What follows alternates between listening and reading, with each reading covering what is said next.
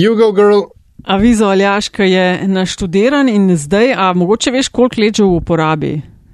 Ja, ti, ki si bolj statistik, pa to. Šest, jaz statistik, ne, drago moj. Jaz sem pogrnil prvi letnik zaradi statistike, tako da hvala, ker so odprli to staro rano, ampak v redu je.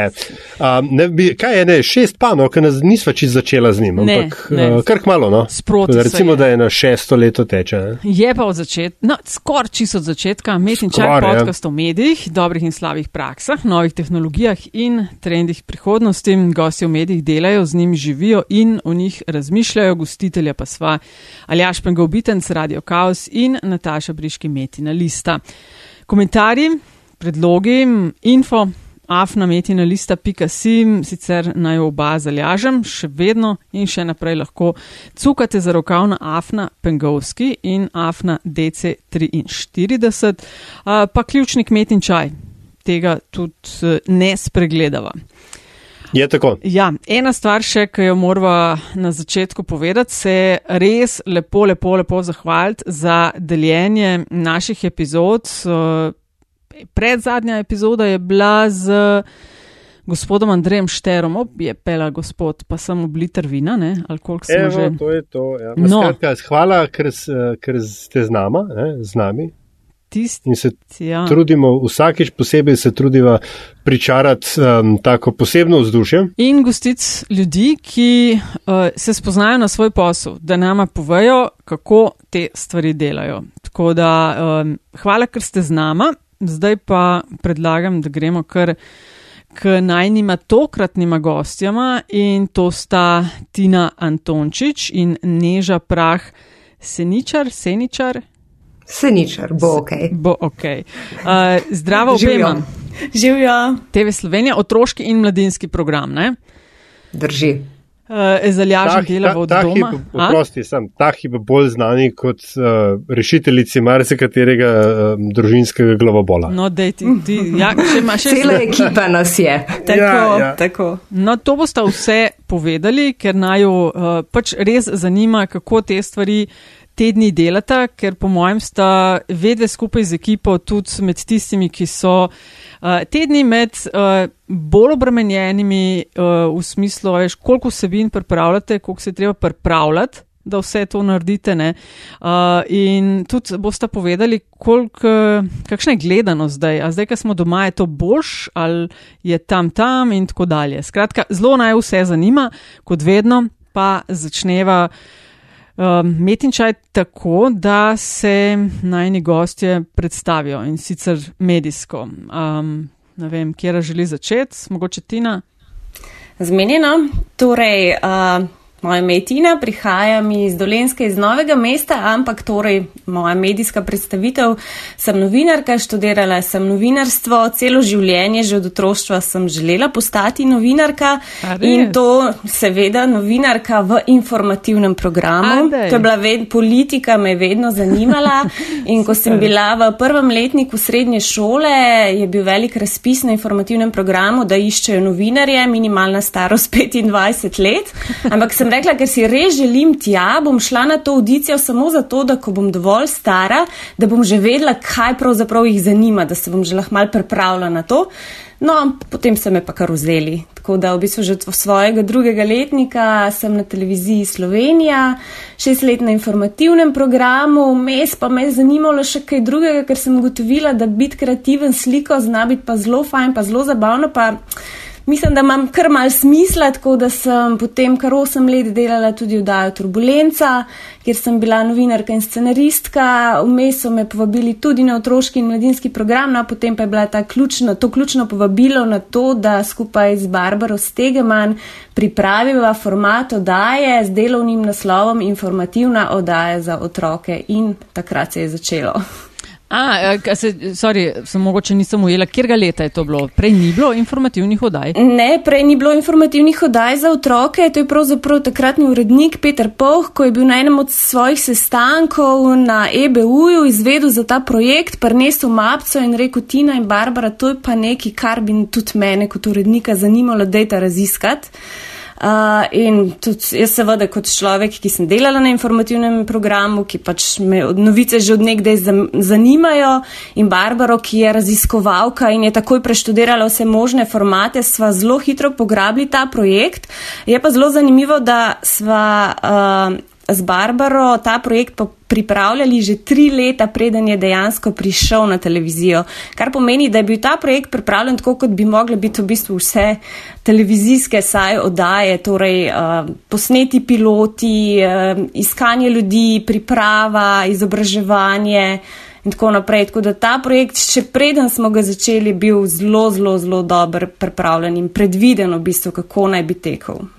A, fino, se zakopljamo v podrobnosti, neža, a lahko še ti malo oseb, ki in kako te je vodila tvoja medijska pot. Ja, jaz sem pač čist drugačna kot Tina, po mojem se zato tako dobro ujameva tudi. Uh, trenutno rečem vedno, da sem deklica za vse na javni TV, pač marsikaj počnem, od novinarskih prispevkov, montaže, kreacije idej, vse, vse. Um, jaz sem šla pa študirati v bistvu novinarstvo, ker nisem čisto točno vedela, kaj bi, pa še malo zram sociologijo, pa sem najprej malo pisala za časopise, potem sem šla malo na radio, potem sem rabila službo in je bila audicija za infodrom in sem šla še tja. Tako da povsod se gibam, malo sva s Tino tudi skupaj delali na turbulenci, srečali sva se na infodromu, ki je bila takrat meni Tina ful zastrašujoča, ker sem prišla na audicijo, ona je bila pa šefica in še vedno je. Um, In ne vem, pa so prišle še pa druge oddaje. No? Tako da pač vse, vse počnem. Včasih se hecamo, da tudi kavo skuhamo. In to zelo dobro kavo skuhamo. Nimate avtomata, to tako ročno delate. Turško. Turška kava. Turška kava, absolutno. Obstaja še kakšna druga. ja. Tako, nikakor. Mogoče koreto italijanski ti bi še štelo. Ja. Ajde. okay. Nataša ja, Nataša je že na začetku provocirala mal ne, v, v predpripravah, ampak eh, kdaj se vajen delovni dan začne? V tem času ali nasplošno? Zdaj, ne, ker so take posebne razmere, ki jih baje ne bo nikoli več. Upajmo, da ne. Ob šestih zjutraj. Čak 6.00 sta vidve že dejansko v RTV bajti. Tako, in ker se obe pripeljeva od daleč, se zbudiva pa že precej, precej prej. pa tudi kolegica Mateja uh, pride istočasno, ona je ponovadi tista ta prva, ki ključe vzame od pisarne. A je kdo že takrat uh, na TV-ju? Absolutno Receptor. so. Okay, no, ajde, Tudi do, ja. oddaja, vsi ustvarjalci oddaje Dobro jutro, ki mislim, da se začne ob sedmih Okay. zjutraj že v Ja. živo in pa tudi na tim, ki dela informativne jutranje oddaje, torej poročila ob osmih, devetih in desetih. Pa parking clock full easy dobita, ne? Takoj. Tako. Pa brezplačnega zdaj. A ja, je res zdaj v teh časih brezplačena, ima to kakšno vezo z koronavirusom ali se hecaš? Pa nekaj Ne, to je res uh, v Ljubljani, odkar je pač ja. so ukrepi, Tako. epidemija, so brezplačno parkirišča. Odkar ni javnega prevoza, so Tako je, brezplačne. odkar ni tega, Tako. A, vidiš, ker nisem ljubljančanka, pol mi pa, lej, kaj bi lahko vse te dneve. Izkoristila. Kaj, kaj? Um, ej, ful naj jo res zanima, ker to sva se že nekaj časa pogovarjala, da je pa otroški in mladinski program na RTV pa res zgledno organiziran in sodeč po odzivih, ki jih vsaj jaz ujamem na družbenih omrežjih, uh, je ful pohvalna to, kako in kaj delate. Zdaj, ok, eno je osvežilna fronta, eno je infodrom, uh, eno je pa to zdaj, kar je izodrom. Ne? S čim, kaj vam najbolj, a je zdaj to sam izodrom, kaj vam najbolj jemlje čas in energijo? Trenutno je izodrom tudi, infodrom tudi del izodroma, torej, ker je praktično to gre za isti žanr in za iste vsebine, kot smo jih pripravljali prej, seveda je zdaj mal več o samem virusu, je to nekaj, kar pravzaprav počnemo mi dve že zadnjih 8-9 let. Kar se vsebine tiče, eh, poda, načina podajanja vsebine, eh, sogovornikov, morda je tokrat malo več odraslih, načeloma imamo pri nas samo otroške glasove, ampak ker iščemo neke strokovne odgovore, seveda večkrat sprašujemo tokrat za izjave tudi odrasle, kar mogoče je malo drugače. Kaj Ja. misliš, Neža? Uh, ja, mislim pač infodrom je del tega izodroma, zdaj pa glede na in cela OMP ekipa zdaj dela ta izodrom, mi smo v tej ekipi, ki dela infodrom, zaradi ker pač to delamo že vsa leta. Uh, je pa v tem času se dejansko ustavila večina RTV produkcije, kar pomeni, da tudi tiste druge otroške in mladinske oddaje, ne, ker ne obstajata samo infodrom in osvežilna fronta, imamo še firpcologe, ribič pepe, uh, pomagi mi Tina, ker jih je eh, male, male celice, križ kraš, studio križ ja. kraš, čudo gost. No, to vse zdaj stoji. Tega se zdaj in zdaj celotna ekipa pač dela na izodromu, slash infodromu, ne, Bergan se je pohecil, da je izodrom je infodrom uh, v izolaciji in zato pač vsi poč, mislim, to je projekt, ki ga pač vsi sodelujemo pri njem, celotno OMP. Ja. Uh, otroško, kaj se smatra pod, dokdaj je za koga je otroški program, pa kdo pade v mladinski program? Vse pade v otroškega, razen osvežilne fronte, ki pade v mladinski. E, veš kaj, mislim, mislim sem, ne, ne, imela sem v mislih bolj leta, no? kjeri generaciji, kol, do koliko starosti se načeloma na targetira otroški ali pa to, kar rečete mu otroški ali pa mladinski. Nekje do konca osnovne šole je otroški, oziroma potem že rečemo, da smo nekje na prehodu na mladinski, ko se začne srednja šola. Mm. Ja, pa tudi zelo, um, ko govorimo o teh sedmi, osmi, deveti razred, ne ponavadi, ko jih nagovarjamo, jim ne rečemo več otroci. Ne? Ja, to je otroci, gledajte nas. Mislim, ja. res se izogibamo tega izraza, ja. zaradi tega, to so že, ja, mladi, od, a pa včasih vi ste zelo odrasli in tudi povemo, da jih mal dvignemo. Ne? Pa tudi mulci jim radi rečemo, ja. Čeprav ja. je morda naša lektorca kdaj. ja. kar, kar hoče Nataša vprašati, ne, je, kam ja. spada čale sale. Ne? V otroški in mladinski program. V oba. ja, čale sale je povsod, najbolj pa v srcih, srcih mamic. Ja. um, um, Niki, um, ko se je tale korona stvar začela, je v bistvu se srce je nekaj govorilo, pripravljalo, omenjalo možnost, da bo da bodo šole zaprte, ne, oziroma da se bo pouk začel izvajati od doma. In potem, vsaj gledano od zunaj, ne, je zelo na hitro TV Slovenija in znotraj TV Slovenija otroški mladinski program postal v glavah nekaterih odločevalcev kar nekaj ključen faktor pri projektu pouka nadaljavo. A ste imeli vi kaj vnaprejšnjega opozorila ali vam je to nekega četrtkovega do podneva pristalo v naročju. To je bil petkov popovdne, ko smo naredili oddajo Infodrom za isti dan. Eh, kolegice Meta Ornik in Dunja Koligar so že celo dopoledne, ko smo mi še to konkretno oddajo delali, razmišljale o novem konceptu. Po naši oddaji smo se usedle in skupaj domislile koncept, seveda z urednico Martino Peštaj, ki je šel potem v ponedeljek na program, kar pomeni, da je bil tisti vikend kar deloven za nas. Ja, pa tudi druge kolegice so dejansko sodelovali z nekimi idejami in potem v nedeljo, ko smo imeli videoklic, ne, ker smo se zelo hitro tudi mi upeljali v ta nov družbeni red, no, da temu rečem tako, um, je recimo, ne vem, Mateja še predlagala, pa dajmo jim domačo nalogo, ne, in smo kar pograbili, dejansko se je kar nekako vse ideje so šle na kup, Mislim, seveda niso bila vsaka ideja čisto sprejeta, pač nekako smo predebatirali in tudi kar je v nekem okviru nekih zmožnosti v tem času delati, ne se vsega pač zares ne moreš. Um, Tako, tudi pa, nik pa nika, ne, so bile kar na hiter prava izbira, ki ste bili navajeni, smo jo bili iz počitniškega krompirja, tako da sta še ona dva dodala svoje uh, in potem smo vreli s temi idejami in uh, potem še režiser Aljaš Bastič. Uh, ki nas je po moje kar mal krutil z vsem, kar je ja, tehnično bilo sprejemljivo. In kaj bi še to, pa še to. Ja. Ma časa pa ni glih tolk ne, za narediti. Uh, mislim, da vse to pokažeš. Meni je bila ful dobra fora, se mi je zdela, ker ste. Uh, ko so nam začeli svetovati, kakšna naj bo razdalja. Ne? In se s tistimi hula hopkami, ali kako se ti smo reče, ko vrtiš okrog mm, pasu. Hula hopa broče, ja. to je pa neža se spomnila, pomaga, kaj to si čez noč domisla, neža, kako bi lahko en domiselen način otrokom pokazali to razdaljo. to je kakšna je bila reakcija, to po mojem se mi je ful dopadal. Otrokom Jaz pojma nimam. A ja, ni, pa res, okej. pa res ni nihče s hula hupom potem hodil. pa- Ne, nobenega nisem videla po cesti, malo sem bila užaljena. Okej, ne, res sem res večer tuhtala in zjutraj producenta klicala, nujno rabimo obroče. Ja. Uh, in potem ni takega odziva. Ne vem. Ne, nam je bilo dejansko jasno, da o koronavirusu moramo govoriti. Nismo pa hoteli, sploh pa še ne v tistem trenutku, otroke prestrašiti.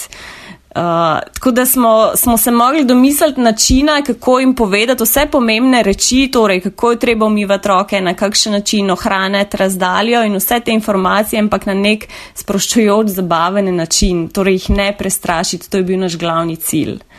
Uh, in glede na to, da je bil ta prispevek oziroma ta pogovor, mislim, da smo imeli z Matejo, pa prej Mateja še za lešem, zelo klika na YouTube, tako da je že takrat se je videlo, da jih te informacije zanimalo, kar pa se je še zgodilo, se otroci se nam non-stop zelo veliko uh, odzivajo na naših družabnih omrežjih, ampak v tem času toliko vprašanj, kot smo dobili, pa zdaj pa res še nikoli. Misliš tok na, na temo korone ali na splošno? na temo, na na temo korone, na temo korone. Tako, in šole, seveda, ker to pač je zdaj njihova glavna preokupacija. No. Jaz moram samo povedati, da je tukaj v Luksemburgu bil vsaj en lik, ki je hodil okoli z obročem, da veš. in- No, Evo. Odlično. Je tako Mogoče je gledal infodrom. Mo, ja, glej, pač, ne, to sem hotel namigant. Ne, nisem Super, jaz. ja. sprejeto. Krasno. Ne, ampak eh, re- resno, či, čist z vidika, um, jaz imam vedno tak mal ta fetiš na kreativno paniko v studiu, ne, veš, ker se mi zdi, da, je, da se tako mediji delajo. Ne. Uh, kdaj, ste, kdaj sta vidva, kdaj je vaša ekipa vedela, da boste morali na nov postaviti oddajo zaradi situacije? A je to bilo tudi v petek, popoldne Ne. so vam. Aha, no, Ne, že, mislim, da v četrtek nam je že bilo, v sredo, v četrtek nam je že bilo Ja, ja. vsem kar jasno. Jaz se tudi spomnim v uredništvu, mislim, uh, infodrom je mal dislociran od drugih pisarn, no, zato jaz Ja, ne morem delujemo pač kot reči. desk, ja, tako. Ja, ne morem reči, kaj so kolegice razmišljale, ampak glede na to, da so vse profesionalke, verjamem, da so razmišljale dosti podobno. Vem, da smo se že me pogovarjale takrat že o tem, da bo nekaj treba narediti. Tudi spomnim se, da sem že gledala za Avstrijo, ko je bilo kakšen program, oni delajo. No, in jaz verjamem, da so zelo podobno tudi vse ostale kolegice razmišljale. No, da nam je bilo kar hitro jasno, da, da bo treba mal zagrist v delo še bolj kot sicer. Zdaj sem te že dvakrat ujela, Neža, da si govorila o kolegicah, a v tem otroškem in mladinskem programu fantov ni? Imamo producente, pa imamo voditelje, ampak mislim, da drugače uh, redno zaposlene ali pa te redne sodelovke smo pa samo punce. Ali se motim, Tina? Ne, Ali sem kakega fanta spregledala? Ne, ne, smo kar dekleta in žene. Več, še to mi povejte, ok, prej ste mal približno za kjero starostno skupino otroški, mladinski. Kaj pa, ko se odločate, kdo bo neki vodil? Ker to, um, na kaj mularija, narekovajih, reagira? Ker predvidevam, da, če, da pri neki starosti več ne verjamejo, ker ne čutijo, da je vsaj blizu generacija. Ali, ali imam narobe? Ja, po moje je to res ne do neke mere. Uh, mislim, tudi ko se iščejo neki novi voditelji, se mi zdi, da težimo k temu, da so mladi, uh, veseli, duhoviti, kredibilni, ko govorimo o infodromu. Um, V bistvu je nekako pravilo, da morajo otroci čutiti, kot da so njihovi starejši bratje ali sestre. Aha. Tako. Aha, ok. Ali si hotla namigen, da postajava mal starici? Um, ne, sem pa pomislila, to sploh ne, sem pa pomislila, če je ti, eh, pa me poprav, če se motim, ker tok noro zelo pa vseh teh oddaj vse tako redno ne gledam, da ti neža ne vodiš več. Uh, infodroma, osvežilne fronte, Osveži- česa. Ja, tisto, uh, kako se reče, tisto, ko si v kabinci bila z. Aha, to sem še. Ah, No, vidiš, pa si jo sem rekla, a je ona že kukar kao prestara, me je tisto. fakt, Ne, ampak gotovo zgodaj. zelo kmalo bom. A veš, Gotovo tako je zelo kakšna, za kmalu kakšne bom. manekenke, ki pol neko starostno, o, zdaj pa pač ne več, ne. Ne, v resnici smo imeli, ne vem, Tina, je bilo to pred dvemi leti ali nekaj takega, ko smo se pogovarjali na uredniškem sestanku in se jaz spomnim, da sem jaz prav izpostavila, ker vse en, jaz sem stara 36 let. Uf. In to, je, ne, zdaj ne mislim, da je to hiper To je. Neža javno povedala. A ja, to si Bravo, že na neža. To je Bravo, neža. Ja, Aha, ampak vse ne si bom. pač neke, neke starosti, ko mogoče pa že čutiš, da, da rahlo nisi več, vse ti ni Okej. problem, vse je Razumem, vse ja, ja. kul cool in je fajn, ampak mal sem namignila, da je fajn tudi razmišljati še o kom drugem in podobno. No. In, Mhm. in enkrat, ja, mogoče niti ne zaradi starosti kot neka leta, ampak pač ljudje se tudi spreminjamo. No. Mogoče tudi iščemo neke to. druge izzive. Ja, ja. Ja. Kaj, se- Ampak to znam se- uporabljati Instagram pa Snapchat. ne, Ampak... se, lej, nisem tako mislim. V redu, ne? zdaj te bova z Natašo malo na pokavo poslala, ne? mi dva. Ne? Ampak ja, je, pa, je, pa, je pa nekaj res. Ne? Da, uh, veliki Douglas Adams je napisal, da kako že, če je tisto, kar je. Ko si mlad, oziroma ko se rodiš, je vse, kar je že tam, je normalno. Ne? Vse, kar je, se pojavi med tem, ko si mlad in potem, ko si star 35, je nekako se navadaš in lahko v tem narediš kariero. Ne? Vse, kar je pa po 35, je pa Nad. proti na, naravnemu redu stvari. Ne? Tako da, evo, si, začutila si tako in ti Tako. Ja, tiko, TikToka ne uporabljam, recimo. Ne? to je nad 35 Še. prišlo. Ne, Še, še. ja. Dej povejte, kaj so glavni izzivi, ko pripravljate, pa ne, nimam zdaj v mislih sam izodroma, ampak ko delate te vdaje, zdaj mislim, da si ti na ti omenila, da se recimo tudi pri tem nova, novem koronavirusu, da ste se veliko ukvarjali, ok, nočemo eh, mlajše, mlade prestrašiti, kako jim povedati, kar naj vejo, pa da bo hkrati, ne vem, učinkoval. Kaj so nekak glavni izzivi, ki jih vedve čutita pri tem vajnem delu? Moj izziv zelo velik je, da predvsem imam zmer občutek, da moram slediti nekim televizijskim trendom, ki so uh, trenutno, ko vidim moje kolege, kako delajo, ko vidim, kaj otroke zanima in da v bistvu se ne zasedimo v tej smeri, da pač, ok, to zdaj funkcionira in to bomo zdaj tako delali, tako kot znamo, ampak da sem skozi nekje v zadju, imam, kako bi še lahko bilo boljš, kako bi še bilo lahko drugače, predvsem pa, kar je moja bolečina, kako biti bolj duhovit. Se mi zdi, da bi s humorjem lahko še več naredili in uh, ta, ta humor imam jaz zmeri nekje. Vem, da nimam mogoče to čisto v sebi, ker sem vseeno nekje po naravi ta informativka, to ima recimo neža zelo boljš razvit, kot jaz in, in ta humor mene skozi. Zdaj je moment, ki mora neža več povedati, ali kako? Ja, to se vedno odlično konča. Ja, saj tako, kot je rekla, mi dve smo si tako različni, zato tako dobro funkcioniramo skupaj. Evo, tista, kar ena nima, ima druga in potem so še seveda kolegica Mateja in Maja in vsi ostali, ki dodajo svoje in to se mi zdi tisti čar pol, da lahko nekaj fajn nastane. No? Da si To poiščeš sodelavce, ki imajo tisto, kar ti nimaš.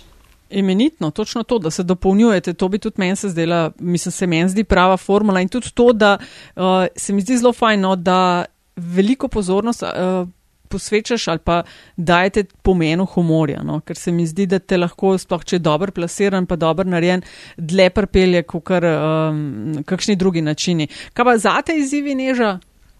Kaj Um, ti razumeš, kaj je? Ker ti pa vem, da veliko, uh, ne vem, promoviraš oziroma daješ te oddaje, ki se delajo, da tudi prek družbenih omrežij mogoče pridejo do koga. Ne? Ja, to se mi zdi kar pomembno v današnjem času, pa ne samo do otrok, ampak tudi do staršev, ki so neke vrste odločevalci, sploh v zgodnih letih, o tem, kaj bodo njihovi otroci gledali. In se mi zdi fino, da imajo informacijo, da nekaj obstaja za njih na javni televiziji. Um, ampak to je pač prostočasna uh, aktivnost, to ne gre v služben čas. No.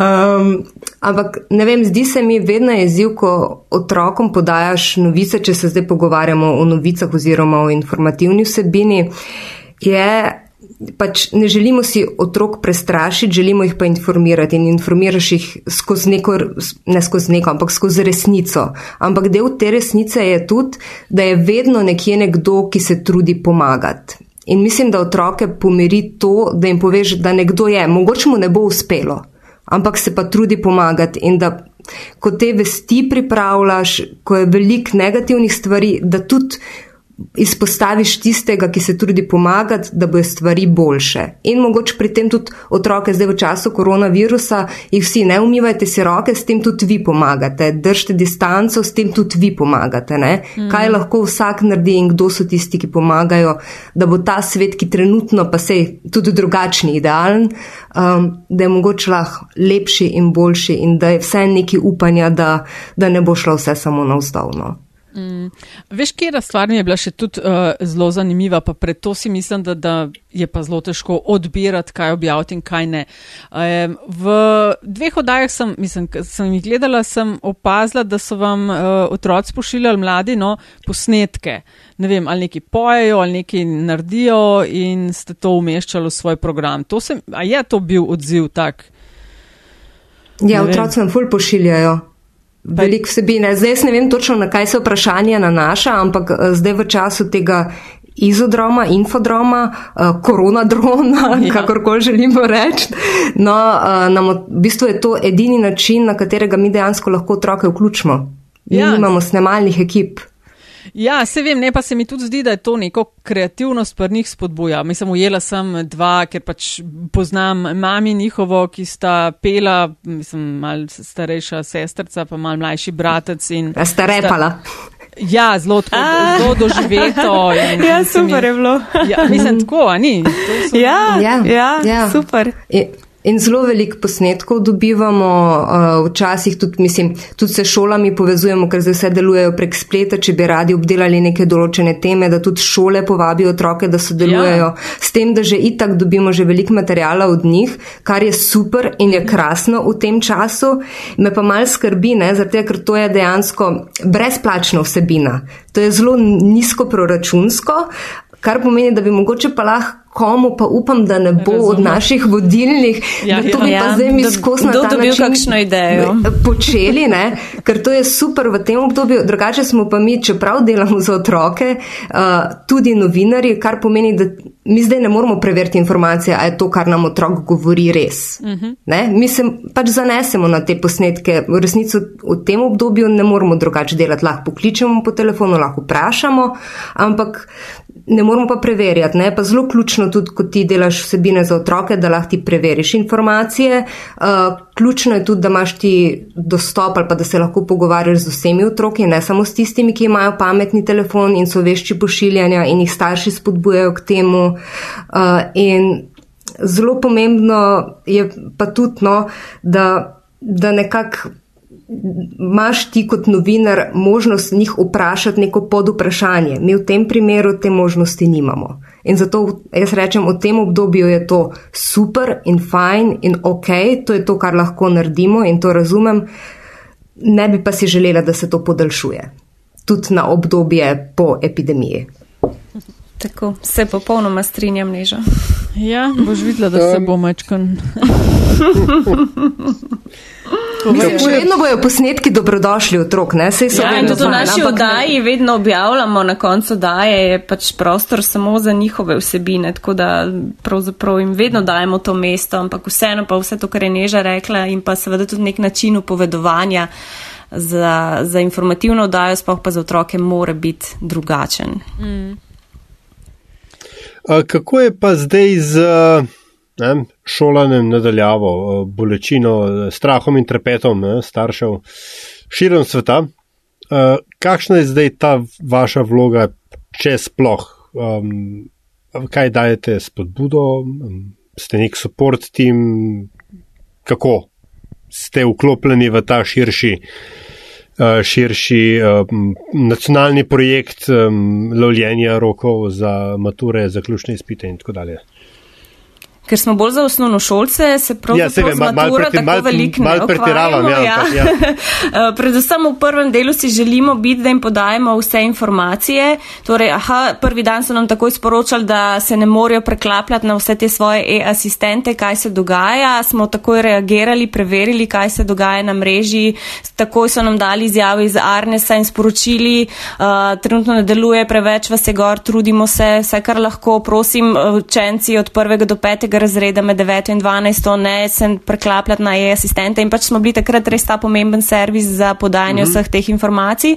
Tudi zdaj, uh, recimo, od kdaj naprej bo ocenjevanje, kaj se bo dogajalo z NPZ in tako z maturo, kot si rekel. Uh, v drugem delu pa si skušamo podajati neke vsebine preko različnih učiteljev, različnih predmetov. Vsi učitelji oziroma ravnatelji so obveščeni en dan vnaprej, kaj bo v teh naših oddajah, tako da lahko potem njihovi učitelji uh, sporočijo kot del domače naloge, katere vsebine naj spremljajo in kaj znotraj teh vsebin lahko naredijo uh, in vključijo v svoj pouk.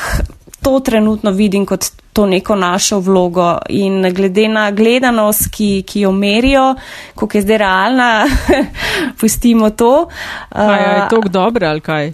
Ne, dobra ja, je, pa, ampak. Če moraš pa gledati, zato ker imajo domačo nalogo. Ja, res je, res je. Ja, jaz imam mečken težav s, našo, s tem našim merjenjem gledanosti, ker se mi zdi, da je narejena na premehnem vzorcu in ne štejo se tiste, ki gledajo oddaje katerekoli televizijske za nazaj, ker tudi jaz realno ne gledam več vsebin takrat, ko so na televiziji, ampak se jih zberem in si gledam za nazaj. No? Ampak ja, te številke so trenutno zelo, zelo dobre. A, fino, se skratka pozna, da. Absolutno. Smo, a, to je tako, krat dva se pozna, se ni treba cifr povedati, ampak kaj to krat ja, dva? Niti ne težko, me, ne, tudi, tudi težko merimo, ker v resnici nikoli še do povdne ni bilo Aha. otroškega programa, da bi ja. imeli s čim primerjati. Okay. Tako a, da ja. Mislim, razen počitniškega programa pa je še boljša gledanost ja, ja, počitniškega je, programa. Je. A, res?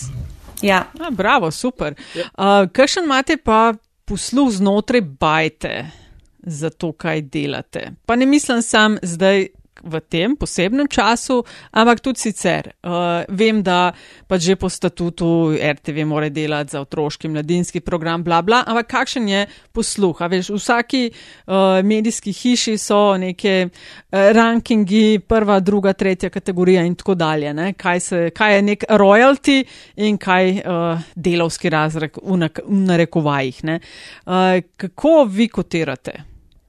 Ja, naša krona se ne blešči. Ro, ja, rojti vsekakor nismo. Mislim, glede na to, kako pomembni ste, tudi si že Aljaš rekel zdaj za, za starše, za otroke, bi lahko bili, ampak a pravite, da pol ni, da se morate kar orang boriti z ekipo, da kaj dobite, da kaj premaknete, da kaj naredite. Mislim, jaz mislim, da je cel RTV zdaj zelo ponosen na to, da jo imamo, tudi mi smo ponosni, zdi se mi, da je tudi prav, da se mal potrepljamo po rami, čeprav nas čaka še velik dela in jaz vedno rečem, zmotili se bomo oziroma naredili bomo napake, bo šlo kaj narobe, ampak se res trudimo in se mi zdi, da, pač, da je prav, da tudi to povemo. Um, verjamem, da je veliko tudi kolegov zelo zadovoljnih z našim programom. Zdaj pa vprašanje, druga stvar je pa takrat, ko pa niso krizne situacije, takrat pa vedno pa mogoče se ne samo znotraj hiše, ampak več ljudi ima ta pogled. Vi delate nekaj za otroke, pa se mal igrate. Aha, ja, pa je ja. lušno, pa mal vrtite hula hop. Seveda, ja. To pa, mislim, pa razumem, pač, zakaj pa ne. Si, mislim, vse meni je moja služba fina, jaz se imam lepo, ampak to pa ne pomeni, da to ni delo. Um, še več, ne, včasih, ne da bi hotel, uh, postanete tarča ali pa nekaj, s čimer se, se, se pometa. Ne? Kaj imaš po misli? Ja, tudi ja. mene zanima. A ni bilo, le, ena leta nazaj je, je bila ena, kaj že, risanka v Patri. Ena, ena risanka je bila, ja. Risanka je bila. Neki, ja, smo dobili, bilo, smo dobili malo publicitete. Tako, ja. vsaka reklama je dobra politične. Reklama. Takrat je kar, kar nekaj poslancev ugotovilo, da obstaja nekaj, čemu se reče infodrom. Ne? A tako, kot vsake no. kvatro ugotovijo, da imamo cicibana papila? Tako, tako, nekaj poslušaj. Veš kaj, za dobrim konjem se kadi. Dejstvo. No. Za kobilami se ste same povedali.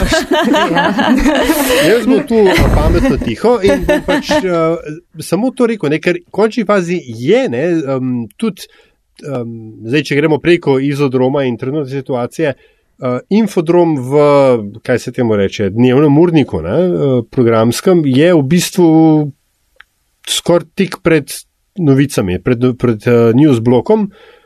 Ampak v tedenskem urniku. V tedenskem, Ja. tako, ja. ja, Predtem ja. smo bili pa vsak dan, tako da tukaj smo kar precej prikrajšani. Ne, ampak hočem vendarle poskušati zdaj ne- neko, neko uh, pozitivno uh, stran tega, kle videti. Vi imate neposreden vpliv na medijsko in siceršnje ne, opismenjevanje, če hočete, uh, mularije. Ki, a kdaj zaradi tega ne morete spati?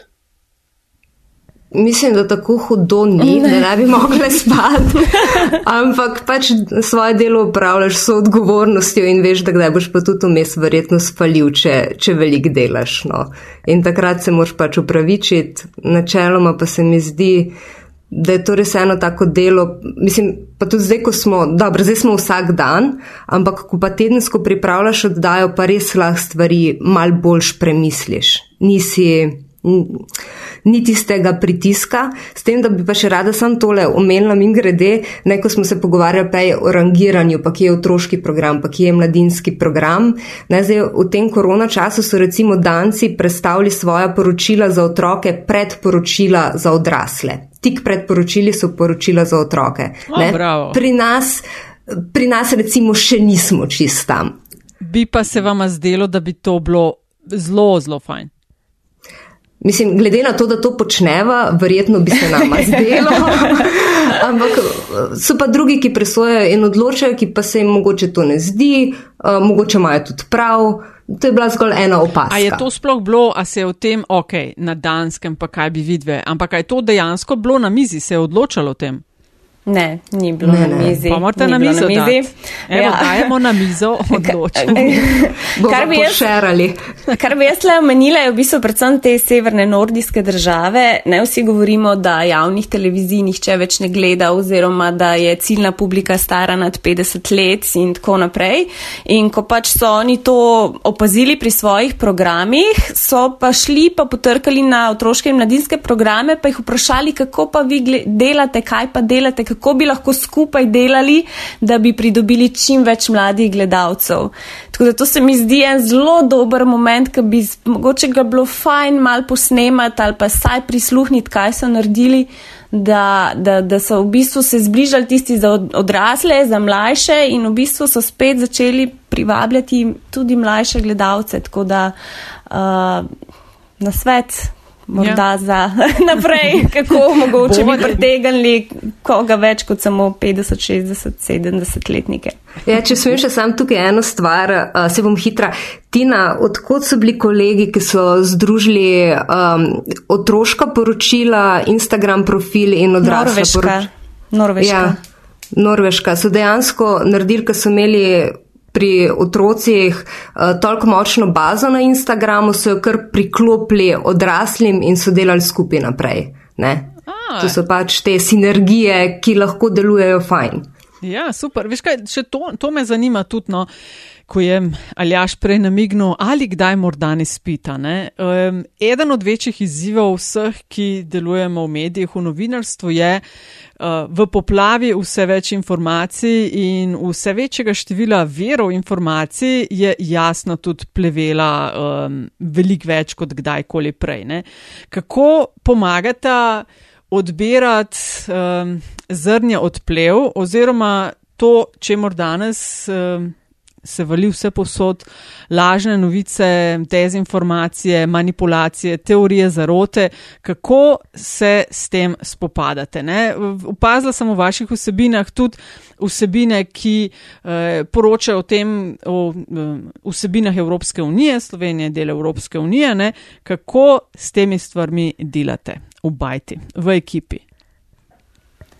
Da ne pride do dezinformacij. Mislim, da poveste, da, da otroke, mladino, mlade učite, kako naj bodo, um, kaj zvem, aktivni, ozaveščeni um, konzumenti novic, kako naj pazijo, lejte, se bo, a veš, tako, ko se je, ne vem, se spomnim, Katrina je bil, uh, takrat sem bila še dopisnica iz ZDA, pa je bil hurikan Katrina in potem so se začeli valiti posnetki, uh, kakšni vse krokodili in pitoni so sred mesta hodijo in tako dalje. Skratka, en kup je bilo fejkanih informacij in kako pomagata jim jim to povedati, lejte, to pa drži, to pa ne drži. Ne? Ker v zadnjih letih recimo smo imeli veliko volitev, pa se je govorilo, pa si predstavljam, da v eni informativni oddaji za otroke tudi o teh stvarih govorite. Ne vem, upletanje tujih držav, pa Brexit je bilo stojnena uh, napačna ali pa zavajujoča informacija. A se s tem tudi kaj ukvarjate? Definitivno jim razlagamo, kaj, kaj uh, fake news je, kaj so nepreverjene novice, uh, ker je pa naša nekak že mantra, da morajo biti naše informacije fokusno usmerjene in želimo predvsem predstavljati dejstva, ki držijo. Torej ne skušamo obešati na neko temo, pa še to, pa še to, pa on reče to, pa še to, pa še to ni prav, ampak da res informacija, ki podamo, da je fokusirana v, v eno stvar.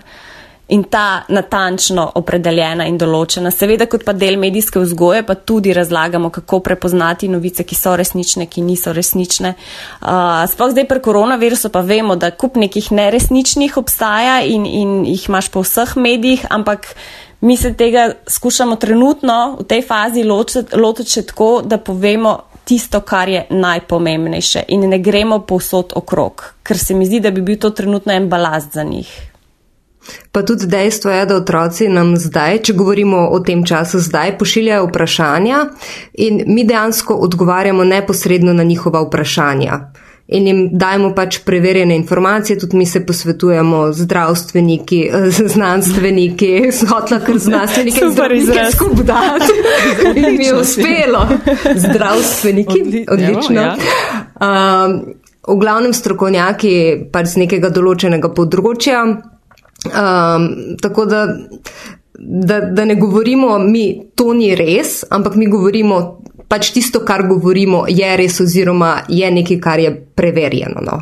Ja. Ko si pa recimo Nataša omenila Brexit, smo želeli Brexitu predvsem dati obraze. Torej, deklico, mama je slovenka, oče je angliš, kaj to Aha. zdaj za njihovo družino pomeni. Svedno skušamo nekako, da se lahko poistovetijo s svojim vrstnikom in skozi njegovo zgodbo povedati, kakšno je stanje, kaj se dogaja. Recimo. A pa ima, imate kdaj odzive, mislim, ve ali pa kdo drug iz ekipe, uh, da to, kar odrasli doživljamo na družbenih omrežjih in to poplavo lažnih novic in tega v povezavi s kjerokoli temo, ne, a je to, kažejo to zaskrbljenost tudi mlajši, ko se odzivajo na vaše vsebine. Uh, a je tudi čutiti, da so mogoče dirigirani iz kakšne strani, ali to je še tista uh, nepokvarjen del.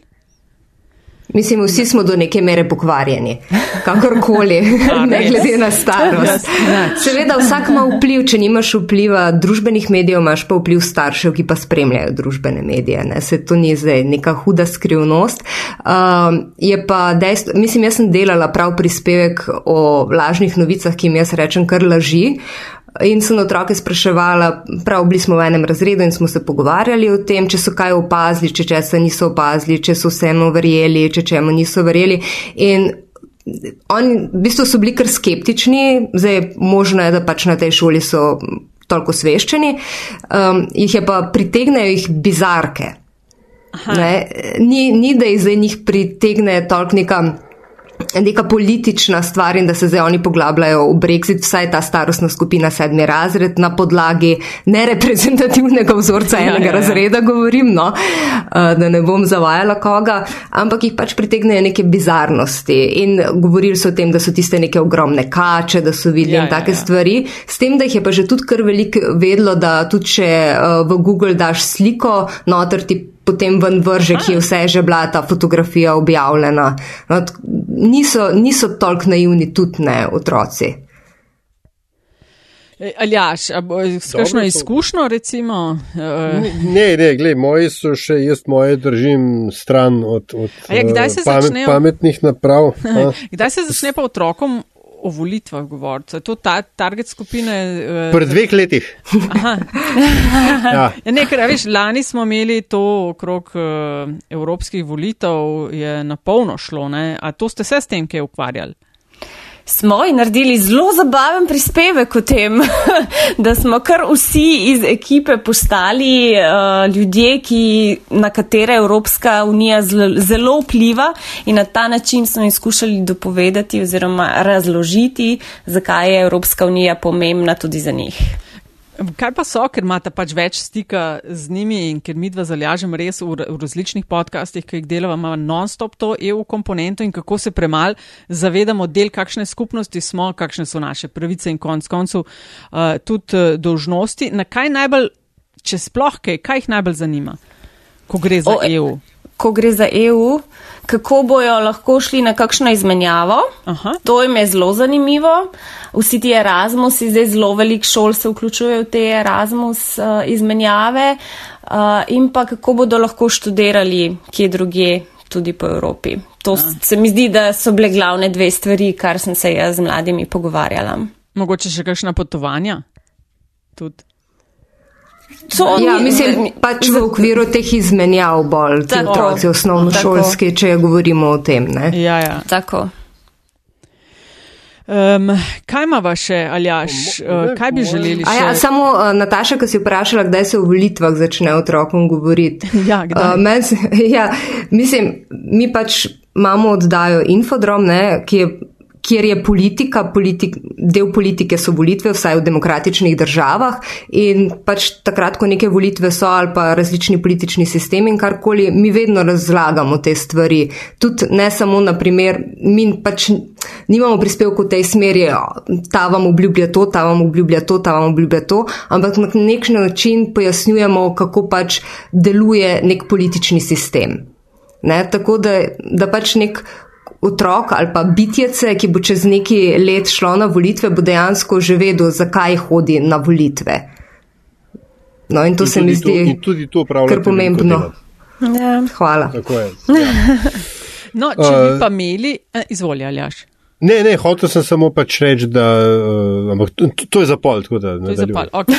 Jaz imam v redu. Lej, če bi vidve odločali in pa če cash ne bi bil problem in tako, kaj bi si želeli še iz tega, kar delate, narediti, kako povečati, kam dati. Ok, ena stvar. Če sem vaju prav razumela, bi se vama zdelo smiselno, da se infoprogram uh, da ob bok ali pa vsaj nekaj minut, preden se začne, kot infoprogram za odraslem, da bi takrat uh, mlajši in mladi uh, poslušali novice za njih kaj bi še naredili, če ne bi bilo omejitev. Uh, zdaj pa vem, Tina, ti si tudi v tem v Evropski radiodifuzni zvezi javnih televizij, uh, pa mogoče kleloh malke povesta, kakšni so kaj trendi še.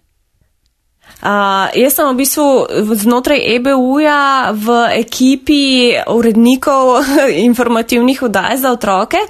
Hkrati sem pa še v ekipi, ki pravzaprav dela dokumentarne filme in to je nekaj, kjer sem se tudi zelo našla in zelo rada delam in v mojem idealnem svetu in službi. Bi jaz še saj en dokumentarc na pol leta imela priložnost posneti, ampak to tak, eh, da lahko dlje časa raziskuješ in snemaš. In, uh, to morda ne moram reči, da so neki trendi. Trendi se mi zdi, da predvsem v otroškem programu so trenutno taki, da bolj sledijo uh, forumam, kot jih vidimo na družabnih omrežjih oziroma na spletnih platformah kot na televiziji. Torej, če je neka klasična televizijska forma, da se začne z nekim upovedovanjem, napovedovanje, ima nek vrh in nek razplet, recimo temu tako klasično, je trend za otroke zdaj ta, da ti v prvih nekaj sekundah poveš bistvo in ga potem za nazaj razdeluješ. No, če sem zdaj kakorkoli smiselno povedala, uh, kar sem hotela povedati, se mi zdi, da. Tudi dokumentarni filmi in podobne forme so lahko taki in ne več klasični, kot jih poznamo od nekaj let nazaj. No. To, mm. to je nekaj, kar bi jaz zelo rada še naprej delala, pa že zdaj na srečo imam to možnost. Pa ti, Neža? Uh, jaz nisem zdaj tega razumela čisto kot osebno vprašanje, lahko pa ga tudi prevedem tako, ampak fino bi se mi zdelo, recimo zdaj pač infodrom v sklopu izodroma vsak dan. Meni se bi zdelo fino, če bi pač, če se gremo en sanski svet, da bi lahko bil infodrom oziroma informativno oddajo za otroke tudi sicer vsak dan na programu, s tem, da bi bila ekipa lahko toliko velika, da bi imeli ljudje čas in mislim pač ekipa, sodelavci čas premisliti, da ne bi delali iz dneva delamo v dan, tako kot delamo pač zdaj, ampak uh, da, da bi lahko mal dihali in še bolj premislili stvari in jih tudi prespali. No? To se mi zdi, da bi bilo, da bi bilo kar fino. Hočeš reči, da pa ne bi bilo treba ob šestih zjutraj že biti na šihtu? Tudi to. Jaz sem jutranji človek, meni je to super. jaz res rado dolgo spim, ampak to se mi zdi še v resnici trenutno najmanjši problem. No. Če sem čisti iskrena.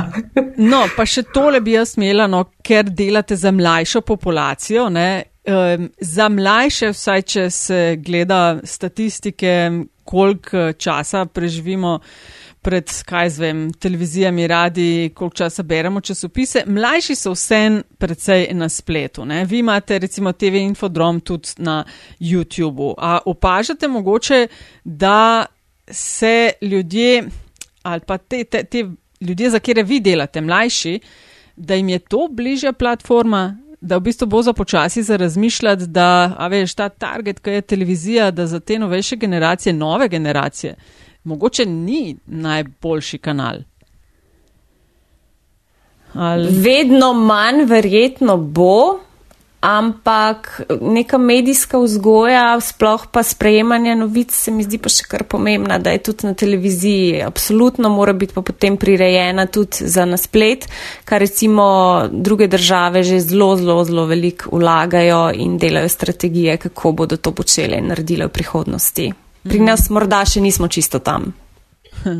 Po drugi, po drugi strani se je pa tudi izkazalo, ne, da je verjetno linearna televizija, sploh s tem dodatkom ogledana za nazaj, uh -huh, ne, uh -huh. še vedno zelo ključna pri podajanju vsebin ali pa pač suportiranju vseh teh uh, advanced learning tehnik, ne, kot so e-učilnice in tako dalje, ker pač ste bili vi tisti, ki ste potem uh, usmerjali. Ne, um, pač ljudi razlagali, kaj je, kaj ni. Ne? Če pač, če se je tam na Arnesu pač stvar uh, zaštofala, tako lep prispevki bi o tem, kako so to rešvali tudi uh, včeraj, prevčerajšnjem. Hočem samo to reči, ne, da za, za nas stare prce, ne, da, pač, da, da je ta um, koronska kriza zdaj vendarle pokazala, da tudi mediji 20. stoletja ne, še niso čisto za odmet, ne, radio, televizija in tako dalje. Ne.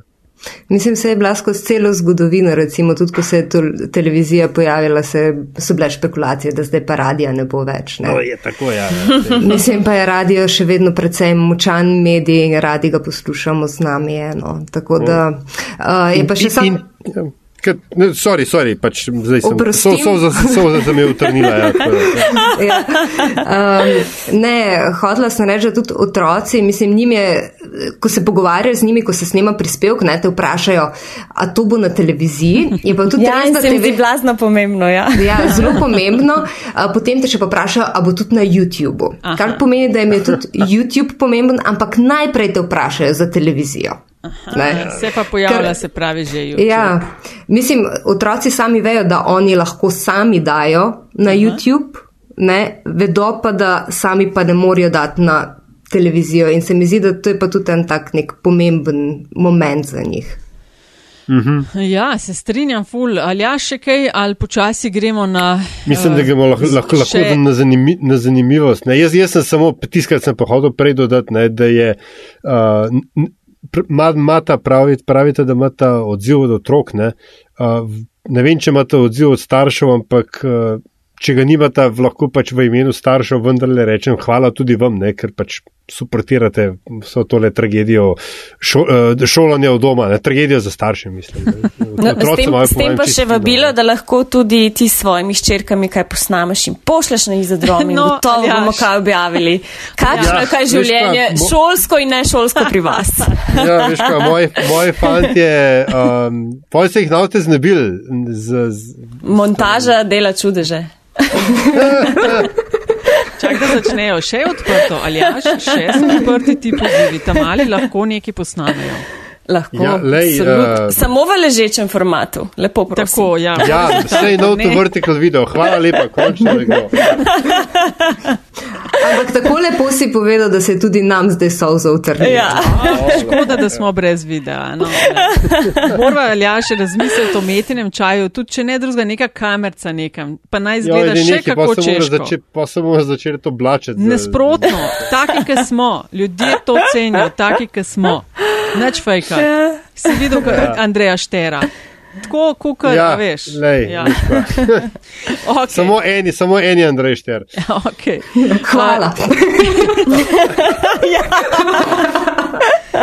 Ej, uh, hvala vam za enkrat. Zdaj pa uh, zaključek metinga čaja. Vedno poprašava goste oziroma gostje, da z nama delijo neko zanimivost, ki je dobesedno lahko karkoli, nekaj, kar pač uh, ocenta, da, kaj zvem, veliko ljudi ne ve, pa da bi jih znalo zanimati. Ne? Neka, ne vem, zgodba, zanimivost, anekdota lahko je ali pa ni povezana s tem, kar vidve profesionalno počnete. Tako da, um, ok, začeli smo z Tino, začnimo zdaj z Nežo.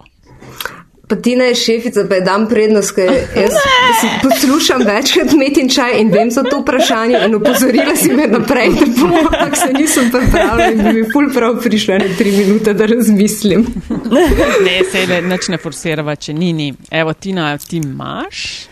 A, ja, jaz bom kar zanimivo spovedala iz na, znotraj naše oddaje in sicer ne vem, zakaj si vedno najbolj zapomnim najbolj smešnih snemanj z našimi otroškimi poročevalci, kar je tudi en del naše oddaje, torej da otroci lahko postanejo novinari in opletena je tudi neža, ki se je imela možnost preizkusiti kot snemalka. In uh, po mesecu dogovarjanj, ko sta bila tu čelo so Ljubljani, so nam v soboto zjutraj, soboto zvečer je bil pa koncert, odobrili intervju in medtem smo mi že izgubili otroka, ki naj bi še ta intervju posnet, iskali novega in potem nam povedali, da imamo na voljo, ne vem, nekih deset minut. In ker gre za mal kompleksno rubriko, ki je po možnosti fanče razkadrirana, smo se v tisti naglici odločili, da ker pa sva z nežo teden prej naredili hitri tečaj snemanja s kamero, da bo ona druga kamera. In smo to posneli, mislim, da je bilo uporabnih celih 5 sekund kadrov od neže in od takrat naprej, ker je šla potem tudi na koncert, se mi še vedno dolžna obiska Metelkove neža. Tri leta je že od tega obljubam, letos, ko bo korona mimo, greva na Metelkovo. O, zdaj bom pa še prav zarisala.